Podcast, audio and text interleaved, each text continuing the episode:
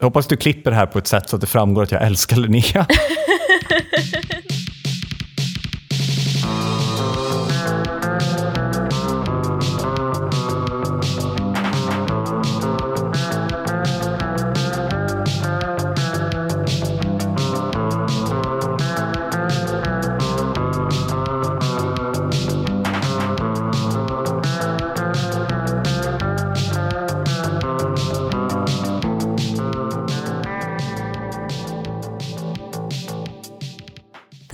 Tusen saker, en podd om tusen saker där jag, Ellen, pratar med Kim om tusen samtalsämnen som vi skrivit i en lista under tre års tid och som producenten Sally nu hjälper oss att slumpa fram.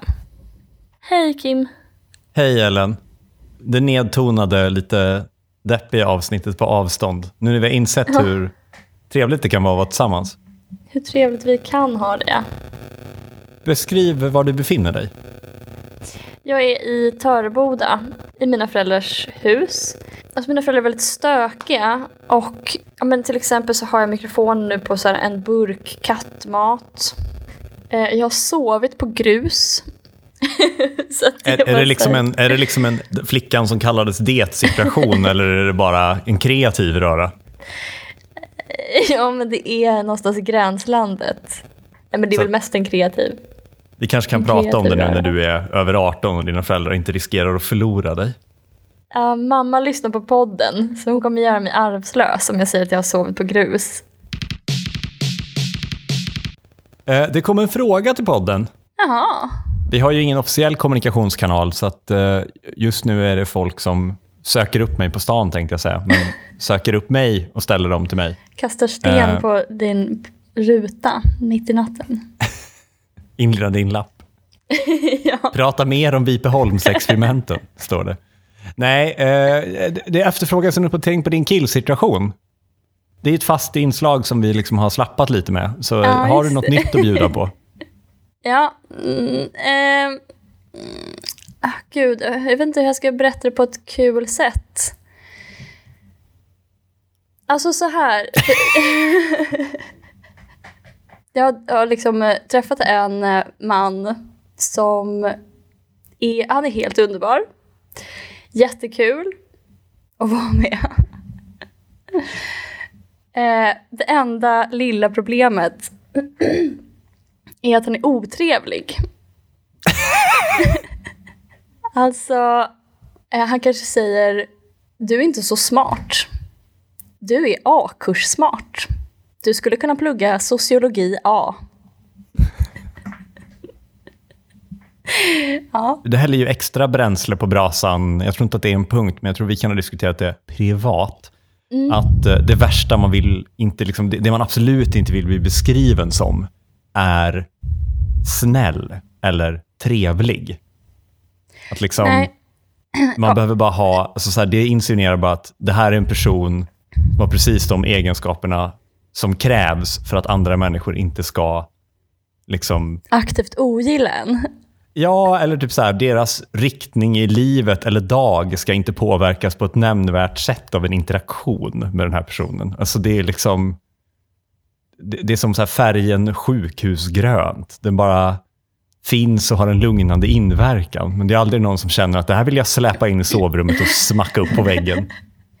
Jag har alltid tänkt att trevlig inte är viktigt. Mm. Att det är så här, har att göra med artighet. Liksom. Att det som är viktigt är att man är snäll. Så här. Och sen så kan man vara lite socialt klumpig. Eller så här. Det spelar ingen roll att, om man är artig. Eller så här. Det kan till och med vara lite jobbigt om folk är artiga. Mm. Men nu så bara inser jag att eh, nej men det kanske är jätteviktigt. Nej men det funkar absolut inte att eh, gå runt och säga vad man, vad man egentligen menar. Vad man, vad man tycker och tänker hela tiden. Alltså, här, Alltså gud, det där känns ju som en basic person 101 och bara, jag är lite edgy. Att ni får ursäkta mig när jag säger bara vad jag tänker. Jaha. Det är inget filter på mig. ja. Då är jag nästan hellre trevlig. Mm. För en sån människa är ju, alltså det, det, det, det är ett bebis sätt att snacka på. Ja, förlåt om jag skriker högt på den här restaurangen, men jag har skitit på mig. Jag bara sänger, säger vad jag tycker och tänker.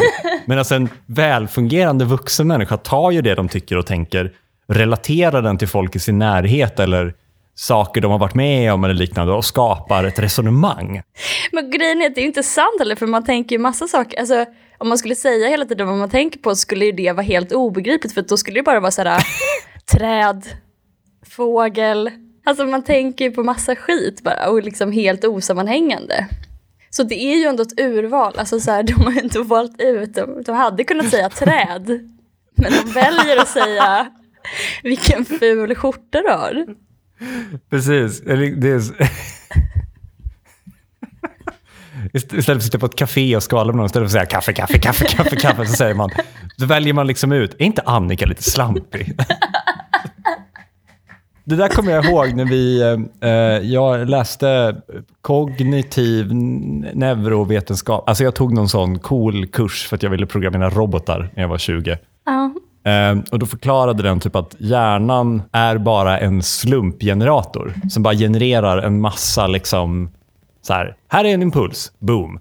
Alltså man kan se det som en vattenström som rinner igenom skåror i sand.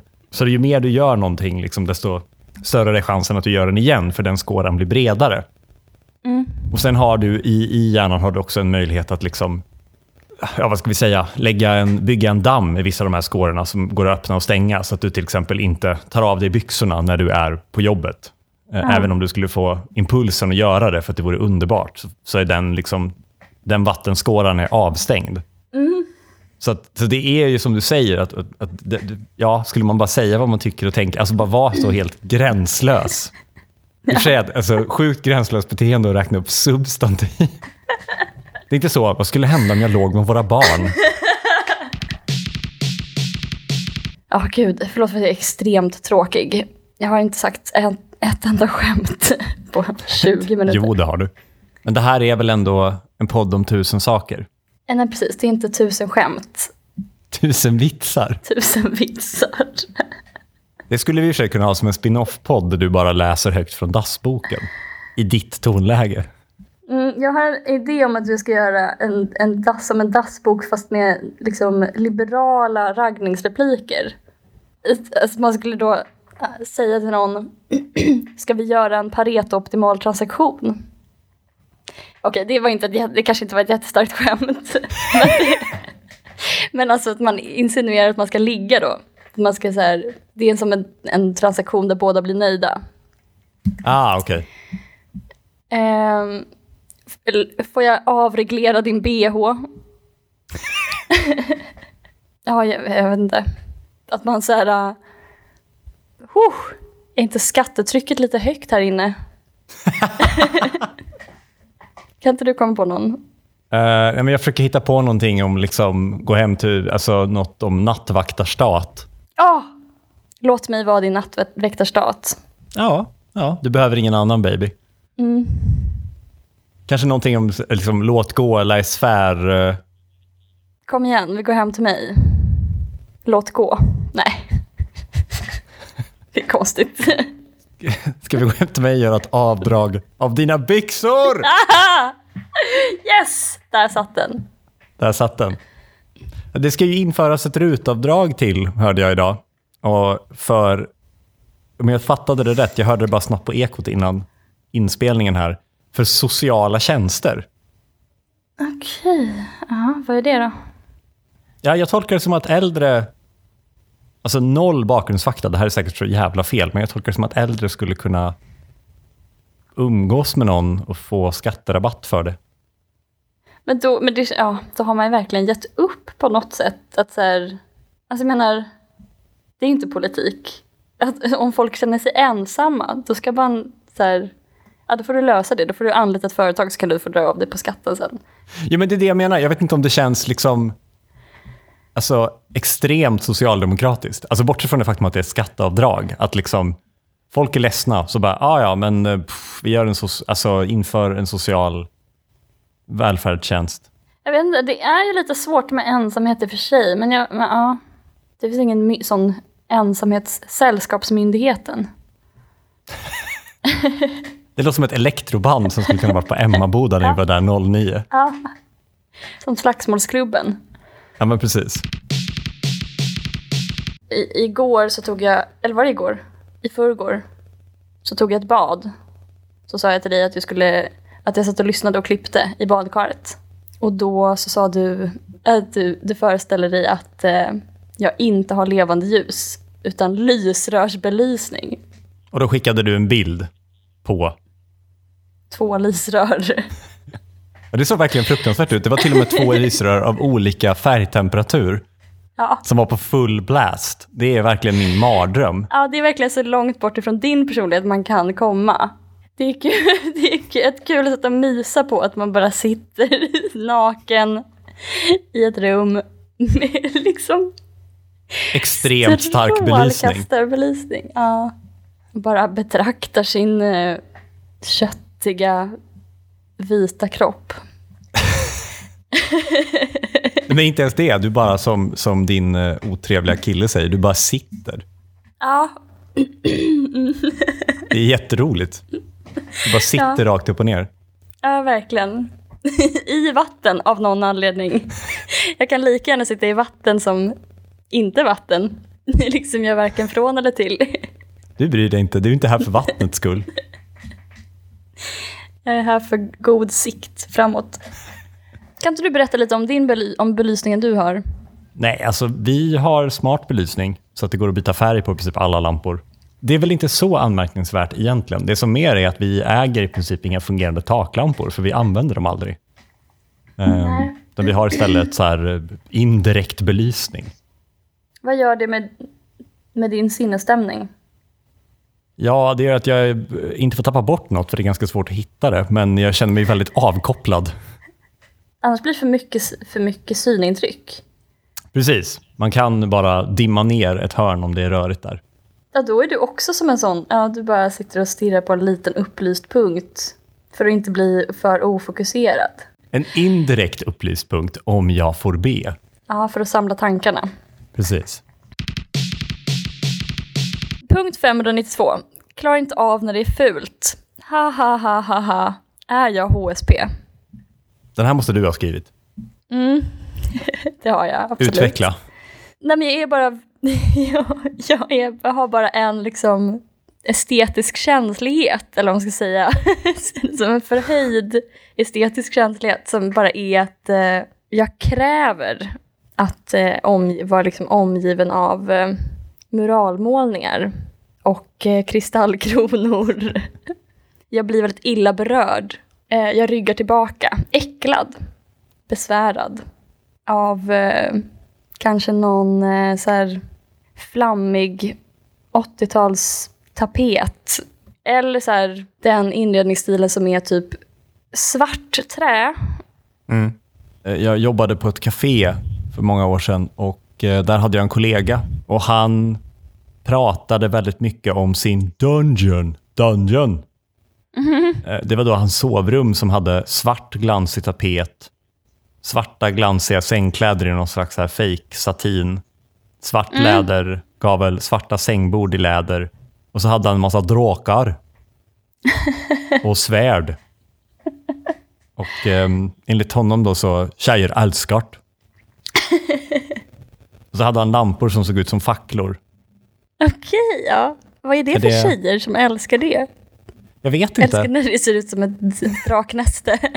men det kanske du, du kanske hade tappat det då, du och din HSP. Det är verkligen, men det kanske hade slagit över till att jag, kanske det jag menar, att man, alltså alla blir helt eh, bortdribblade av hur fult det är, så att det liksom blir, att man får en så störd anknytning till det rummet. man tror att, att man älskar det är det. det som eh, så var i ett destruktivt förhållande, att man kan liksom inte lämna det. Nej, För att det får en ändå känna något. ja. Man känner för starkt. Men så här, kåthet och rädsla är väl väldigt nära varandra. Just det, exakt. Är jag jätterädd eller vill jag ligga med den här killen? Jag vet inte. Men någonting med den där draken känns inbjudande. Nej, men jag har väldigt höga krav. Jag vill, jag vill liksom att, eh, att allting ska vara som i väldigt ordnade stilleben som är att det är lite som ett landskap som är harmoniskt ordnat liksom för ögat, för blicken. Kanske olika komplementfärger. Häng med i den här ljudillustrationen av sköna hem. Det är också typ det enda jag är intresserad av. Alltså det, är så det är så ytligt. Det, Kierkegaard skriver om det som så den typ sämsta inställningen man kan ha till livet. Som är så den estetiska inställningen. Han, nu menar inte han exakt det som jag pratar om, men, eh, men jag känner mig som en sån fast i den här estetiska, det estetiska stadiet, att det är bara det jag utvärderar hela tiden. Jag kan inte heller hålla mig från att fälla smakomdömen. Det är ja. som ett Tourettes, att jag hela tiden måste kommentera trots att så här, ingen är intresserad av vad jag tycker. Så är det som att jag ändå så här, och, den, och det är också mina enda två smakomdömen är så här, fint och fult. Så det, jag är väldigt dålig litteraturvetare på det sättet att jag bara säger om en bok är fin eller ful. Så här. Jag tyckte det var, ja, fint jag tyckte den var bra. Fult skrivet. Och när jag går på museum så är det bara så här, fin tavla, ful tavla. Så jag har, inte ens, jag har liksom inte ens orkat utveckla ett så här, språk för det. Trots att det är det enda som upptar min tid.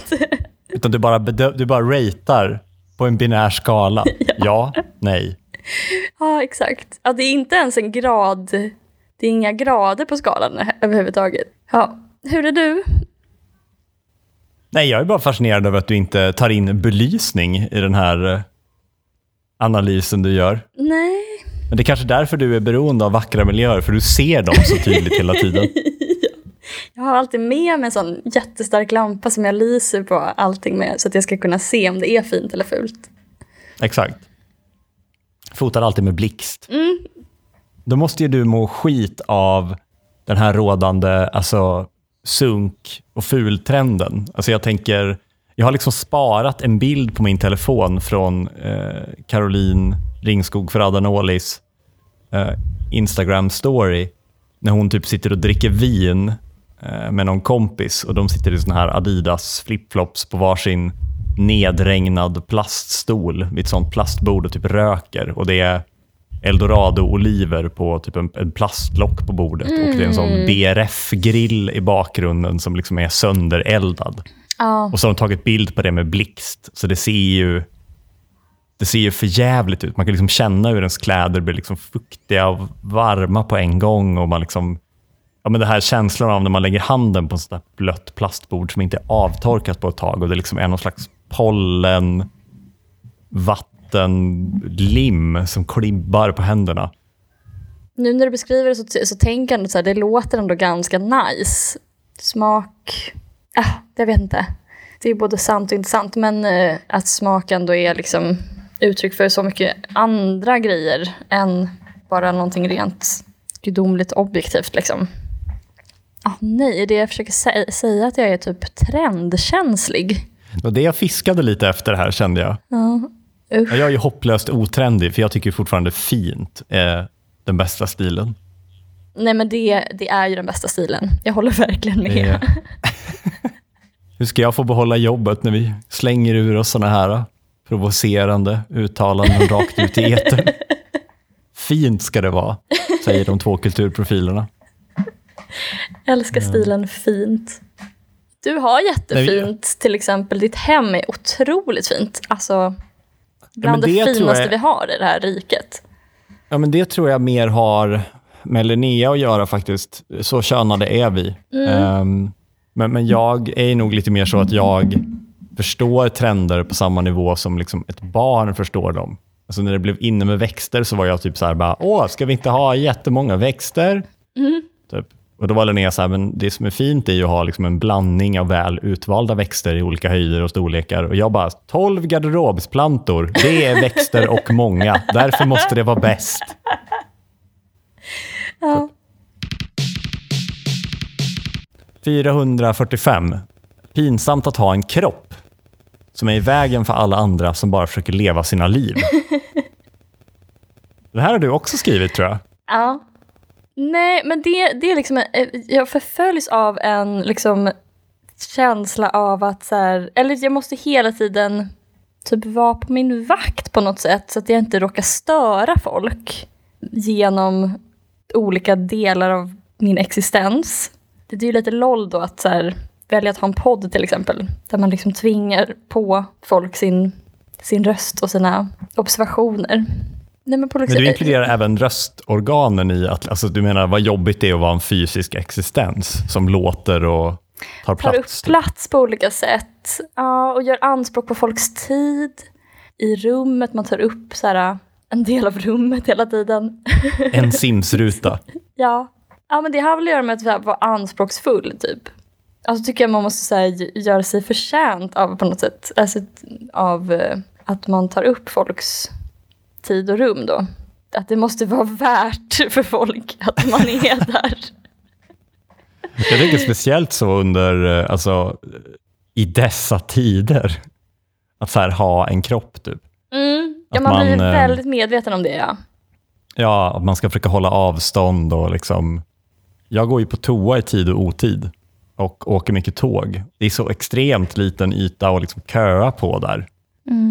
Och så är det så här, kan man stå till höger eller vänster om toaletten och hur man än står så blockerar man gången. Då försöker jag verkligen visa för de som tränger sig förbi att så här, jag gör mig så liten jag kan. Ja. Alltså typ så här, trycker hårt på min egen bröstkorg. Bara, Kolla, jag plattar till den för dig. Men verkligen. Alltså folk tar sig liksom så mycket friheter i normala fall. Ja. De tycker sig ha rätt till allt möjligt. Men nu är det som att alla hela tiden bara så frågar, ska just jag vara här nu? Behöver världen verkligen en redovisningsassistent idag? Eller kan jag lika gärna stanna hemma? Det är så många som typ riktar, eller har riktat så blicken inåt, typ så här, vad vill jag? Det är väl välbehövligt att folk börjar ifrågasätta, undersöker miljön typ omkring sig och sen tänker så här, vad man själv kan fylla för funktion typ i världen. Eller så här, vad händer här? Vad kan jag stå till tjänst med? Typ så här. Och det tror jag kanske har blivit en liten sån förskjutning nu i alla fall. Istället för ta din plats, kräv din rätt. Starta ett bolag och så kanske det är mer vila lite på hanen, utvärdera om du verkligen behövs. Exakt. Är du nödvändig? Ja. Är komponenten du det som landet behöver just nu? Ja, precis. Starta absolut inte ett bolag om inte folk uttryckligen har bett om det. Det, det, ja, jag kan, ändå, jag kan ändå, jag skulle ändå trivas i ett samhälle som var mer så. så här, du, du behövs inte idag Kim. Vad fan gör du på stan? Gå hem med dig. Producera inget, säg inget. Vi hör av oss. Ring, Ring inte oss, vi ringer dig.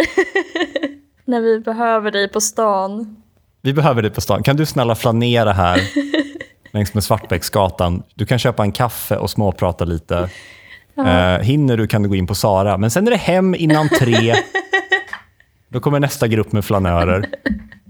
Jag kan tänka mig att ha den typen av position som tidigare statistansvarig. Jag kan liksom ha drop points i början av, av stadskärnan dit vi bussar folk. Det Liksom. är perfekt. Du som gillar stadsplanering så mycket också. Ja, men precis. Du får pla- planera gatulivet i detalj. Exakt. Ja men precis, bara, var har vi, då ska vi se här, då har vi fem personer med barnvagnar, ni ska gå mitt i cykelvägen. eh, bra, då går ni där. Eh, sen så har vi man på bänk, toppen. Fem unga killar som bara går runt max i en cirkel, underbart. Tant som skriker att Jesus kommer, du kan hämta din läskback och ställa dig där borta. Så möts vi här om 45 minuter för skiftbyte. Du får ringa mig om du behöver någon som går väldigt ostrukturerat i sidled på något konstigt sätt så att jag tar upp liksom hela gångvägen. Men alltså, för att återgå till punkten. ehm, det är ju en sån fine line också. Alltså, jag har väl läst den här punkten när du skrev den för länge sedan och inte riktigt... Alltså, jag, har, jag har känt igen mig, men kanske inte så mycket som jag gör nu. Liksom, när jag börjar känna mig så här, att jag är i det här smärtsamma andra puberteten där jag går från att vara liksom en ett, ett ungt, piggt geni med mediajobb till så här en ung man med mediajobb, alltså, eller mer så, en man. Typ. Alltså, jag tror att det, har, att det liksom är ihopkopplat med eh, att, att jag börjar liksom ha lite ont i ryggen, jag har lite mindre hår. Just det. Typ. Min, min skäggväxt är mer intensiv och ostrukturerad.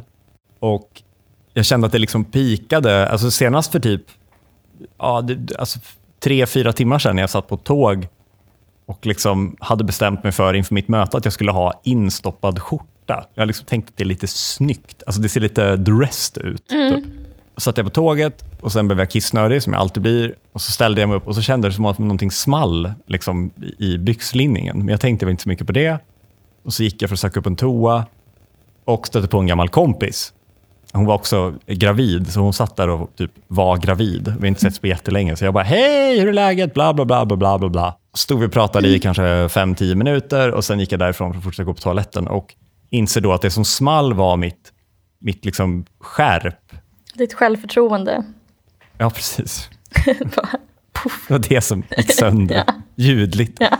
Nej, men som small, jag hade liksom dragit åt det för att få en, en, eh, alltså inte svinhårt, utan bara för att få en så här schysst linje i min skjorta. Liksom. Eh, men det liksom smalt och liksom öppnat och bara stod och så här hängde som en slags läderfallos. typ. Så det har bara stått med den i hennes ansikte. Och då kände jag bara, jag vill inte ha... Alltså det hade väl känts lite gulligt så om jag hade varit 22 Mm. typ, varit på väg för att träffa dig för att typ, dricka öl i Rålis. Mm. Men du var ju liksom en konsult på väg till ett möte. Man kommer inte undan med någonting, nej. Nej, man kommer inte undan med någonting. För, för det, är liksom, det är gulligt när tonåringar har helt okontrollerbara kroppar. Men när, när snart män har det, då känner man bara nej. Lägg, Lägg band på dig. band på Skil dig. dig. ja. Skil din läderfallos. Ja. Punkt 224. Landstingen hade mer värdighet förr. Och numera heter landstingen regioner, eller? Ja, gud, den här listan åldras alltså. Mm. Det är precis som jag. Eh, och Jag tror jag skrev det här när det nya regionhuset i Uppsala blev invigt och jag hörde att deras ventilation inte fungerade. För att det låg liksom en restaurang i bottenplan som gör typ asiatiskt lunchkäk. Och den, pumpade, den lukten pumpades liksom bara rakt in i regionhuset och de kunde inte göra någonting åt det. Så alla regionanställda gick runt och liksom luktade typ pad thai. Det känns som att de gamla landstingen hade bara, ja, nej men då, då, då stänger vi. Då blir det stängt här. Ja, de hade Så, absolut det inte ska gått inte med vara på någon det. jävla kedjerestaurang här nere, utan det ska vara, här ska vi ha våra oljemålningar av gamla landstingspampar. Gud, ja. Och nu bara, "Eh, vi upphandlade fel. Vad gör landshövdingen? Nej, Men inte det Länsstyrelsen? Landstingen hade ju aldrig accepterat att du blandar ihop dem med länsstyrelse för. Och nu håller du inte... Alltså du bara... "Uh, är, det, är det tåg eller är det strandskydd? Vem fan bryr sig? Nej, just det.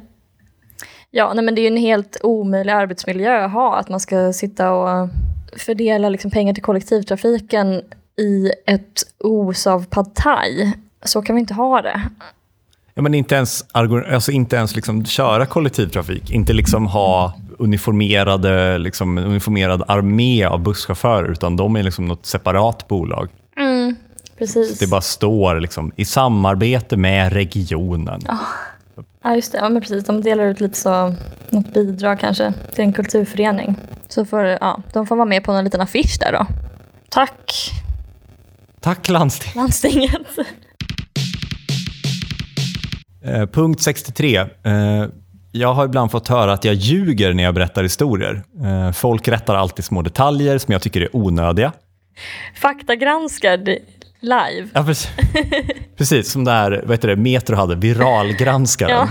Vi har gått till botten. Det tog bara fem minuter. Här är kvittot. Det, alltså när jag berättar historier så tycker jag att de ska vara roliga att lyssna på. Och då kanske inte jag alltid...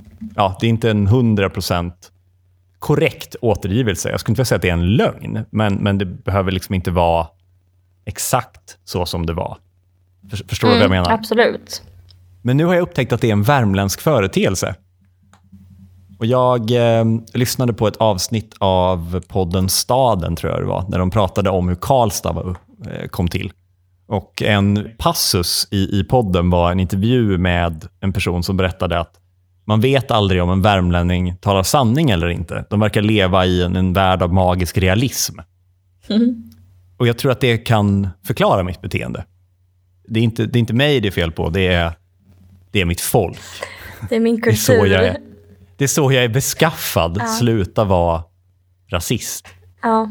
Nu har jag grävt lite det här och eh, snubblade över en eh, historie eller en minnesforskare, Henry Rödinger the- III, som har pratat om vikten av att eh, återberätta saker för att komma ihåg dem. Alltså vi, vill vi komma ihåg någonting så ska vi ta del av det och sen så ska vi återberätta det. För då, precis som vi pratade i början av podden, så förstärks de här vattenrännorna som skapar alltså som styr hur vi hanterar men också styr hur vi åter får ett minne. Och baserat på hans forskning så har de tre forskarna eh, Nicole, mm, nu får du ursäkta mig, Nicole Mdudukovic, Elizabeth J. Marsh och Barbara Tversky från Stanford och Washington University. Eh, 2004 så gjorde de en studie på historieberättande och hur det påverkar minne, inspirerat av den här Rödingers forskning. Då. Eh, så de, de gjorde ett experiment där de lät eh, ett antal testpersoner, jag tror det var typ 40, fick läsa en, vad de beskriver i, eh, i den här studien som en väldigt rolig historia om en bartender som jobbade sitt första skift och då fick hantera både en födsel och en massa fyllon. Typ. Mm-hmm. Det låter ju kul. Den skulle man ju vilja läsa. Eh, och sen lät de eh, 20 personer, eh, så att det här var 40 pers då, så lät man liksom, man delade upp den här gruppen jämnt och så lät man några personer berätta historien med målet att den skulle vara så rolig som möjligt. Några skulle återberätta historien så korrekt som möjligt. Och några skulle inte återberätta historien överhuvudtaget. Och sen några dagar senare så fick de komma tillbaka till labbet och försöka återge historien så korrekt de bara kunde. Och Sen fick de svara på lite frågor om personerna. Och Det de upptäckte var att de som berättade historien på ett roligt sätt första gången, sen minns historien som roligare och liksom tappade bort de detaljerna som de minns, alltså som de bedömde som oviktiga för att göra historien rolig. Mm. De minns också karaktärerna som mer utflippade, mer extrema. Så att genom att uppleva någonting och sen återberätta det som något roligt, så förstärker du hela tiden det här minnet som roligt. Och Det är på därför till exempel en fiskehistoria, varje gång den berättas så blir fisken längre och längre och längre. Och Varje gång jag berättar en historia från mitt liv, som den otroliga historieberättare jag är, så riskerar den att bli mer och mer överdriven. Men jag tänker inte på det, för mitt minne påverkas. Ja. Alltså minnet, själva minnet blir roligare Precis, genom och sam- återberättningen. äh, återberättandet. Och, och samma, sak gäller, samma sak gäller enligt tidigare forskning också för att prata skit om folk. Så att, så att ju mer skit du pratar om någon, desto sämre liksom, kommer du tycka om den personen. För att du konstant förändrar minnet av personen. Så alla mina minnen är ju liksom värmlandifierade genom att jag har återberättat dem som bra historier. Ja. Men det är helt underbart. Och allting är också rolifierat. Så du är som en sån rolighetsmaskin. Som där allt som kommer in så kommer ut. Kugghjulen snurrar. bakar ut det till någon så här, sketch. Men, och Det är det som också blir... Alltså, vi har väl alla träffat de här människorna som bara tycks stöta på knasiga karaktärer hela tiden. Alltså, det är som att de lever liksom i något Åsa-Nisse-universum där alla runt dem är liksom klabbarpan och... Alltså, de, Ja. Det är ju för att de upplever sina minnen så, för att de berättar sina historier på det sättet. Gud vad glad jag blir av det här.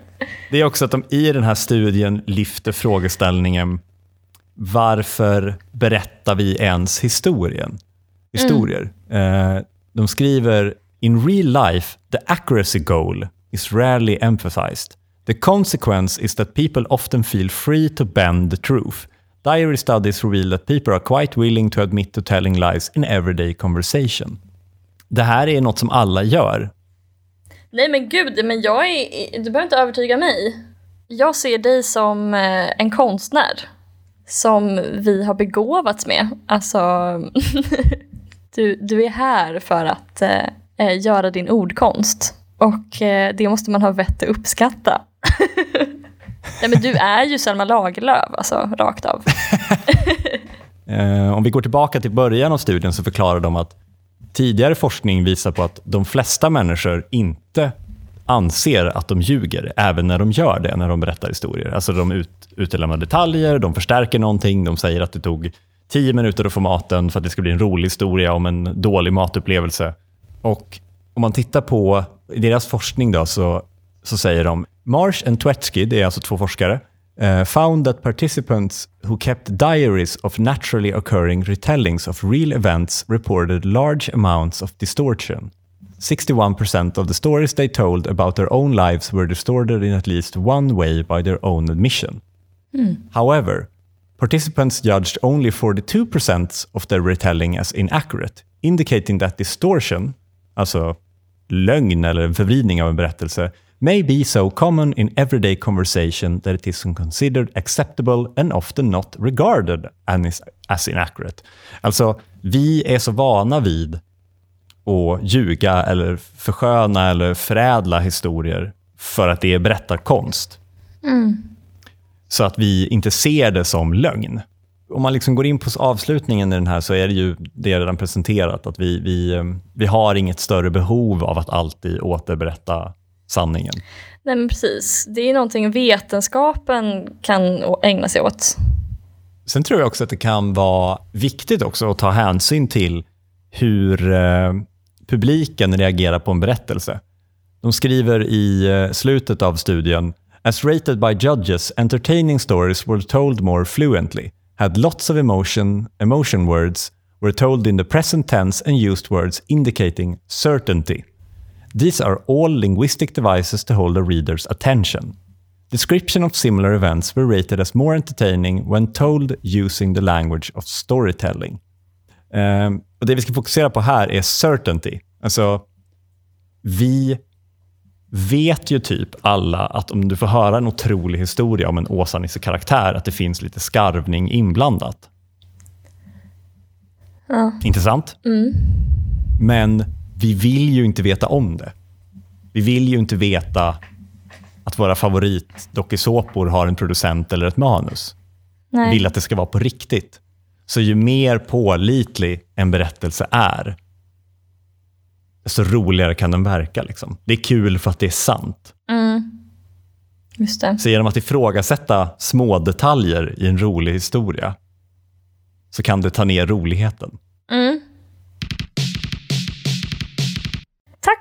Du har lyssnat. Det här är Tusen saker, en podd med Kim Johansson och Ellen Theander. Vi kommer ut på tisdagar klockan sex på morgonen. Producent är Sally Eriksson, ansvarig utgivare Ellen Theander. Tack Ellen! Tack Kim! Ska vi lägga våran hejdå-stämma? Ja, Hej då! hej då! Vi hörs nästa vecka. Ta hand om er!